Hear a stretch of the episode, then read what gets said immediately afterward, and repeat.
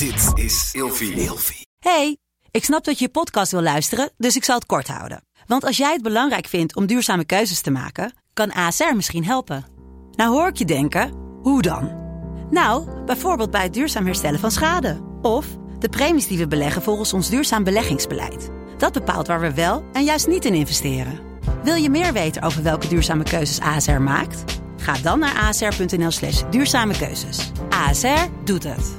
Zo, dan kan je nu lekker naar je podcast luisteren.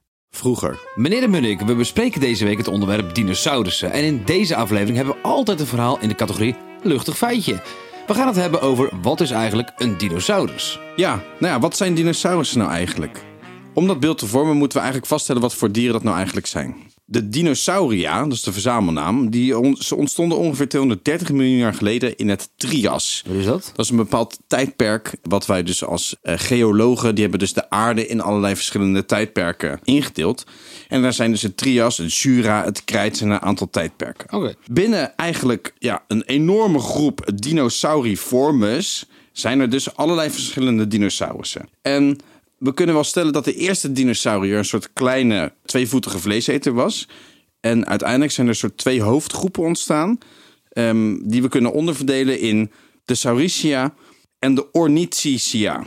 Dit heeft te maken met eigenlijk de stand van het bekken en hoe de heupen zijn ontwikkeld. En dat is best interessant. Ehm, de groep Saurischia die hebben een hagedisheup. Het heeft te maken met de driestralige organisatie van het bekken, waarin het schaambeen naar voren is gericht. Maar je zegt hagedis, maar daar komt ook, ook de naam vandaan. Dat heet iets uit het Grieks, geloof ik. Het betekent, dacht ik, verschrikkelijke hagedis. Ja, dat klopt. Dat is, eh, zover ik weet, in, door Richard Owen in de 19e eeuw uitgevonden. Ja, Een Britse geleerde. ja absoluut. Ehm, dus die hagedisheup zorgt voor één van de soorten. Wat er eigenlijk gebeurt is dus dat er nog een andere soort is. En dat zijn de vierstralige organisatie van het bekken.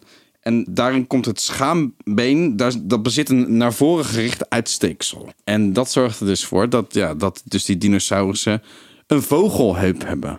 Oh. En Ja. hoe kregen ze dan de vleugels?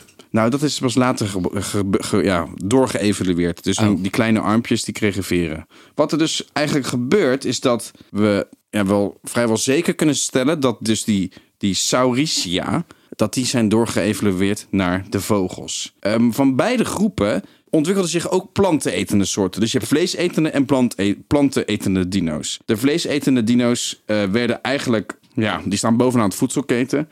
En de dinosauriërs, al in totaal, werden eigenlijk zeer dominant tegen het eind van het tijdperk het Trias. Toen werden eigenlijk op het land, ja, stierven de meeste andere grote dieren uit. En de, alle dinosaurussen namen dus de hoogste plek in van het voedselketen. Ehm, de tijden die hier, hierop volgden waren het Jura en het Krijt. En dit zorgde ervoor dat dus de dinosauriërs meer dan 140 miljoen jaar lang heersten hier op aarde. Joh, maar het zijn in principe, als je vraagt van, hey, wat zijn nou dino's? Volgens mij zijn het reptielen. Ze leggen eieren. En ze zijn, ik denk altijd heel erg groot. Maar vaak zijn ze dus ook heel erg klein. Vroeger.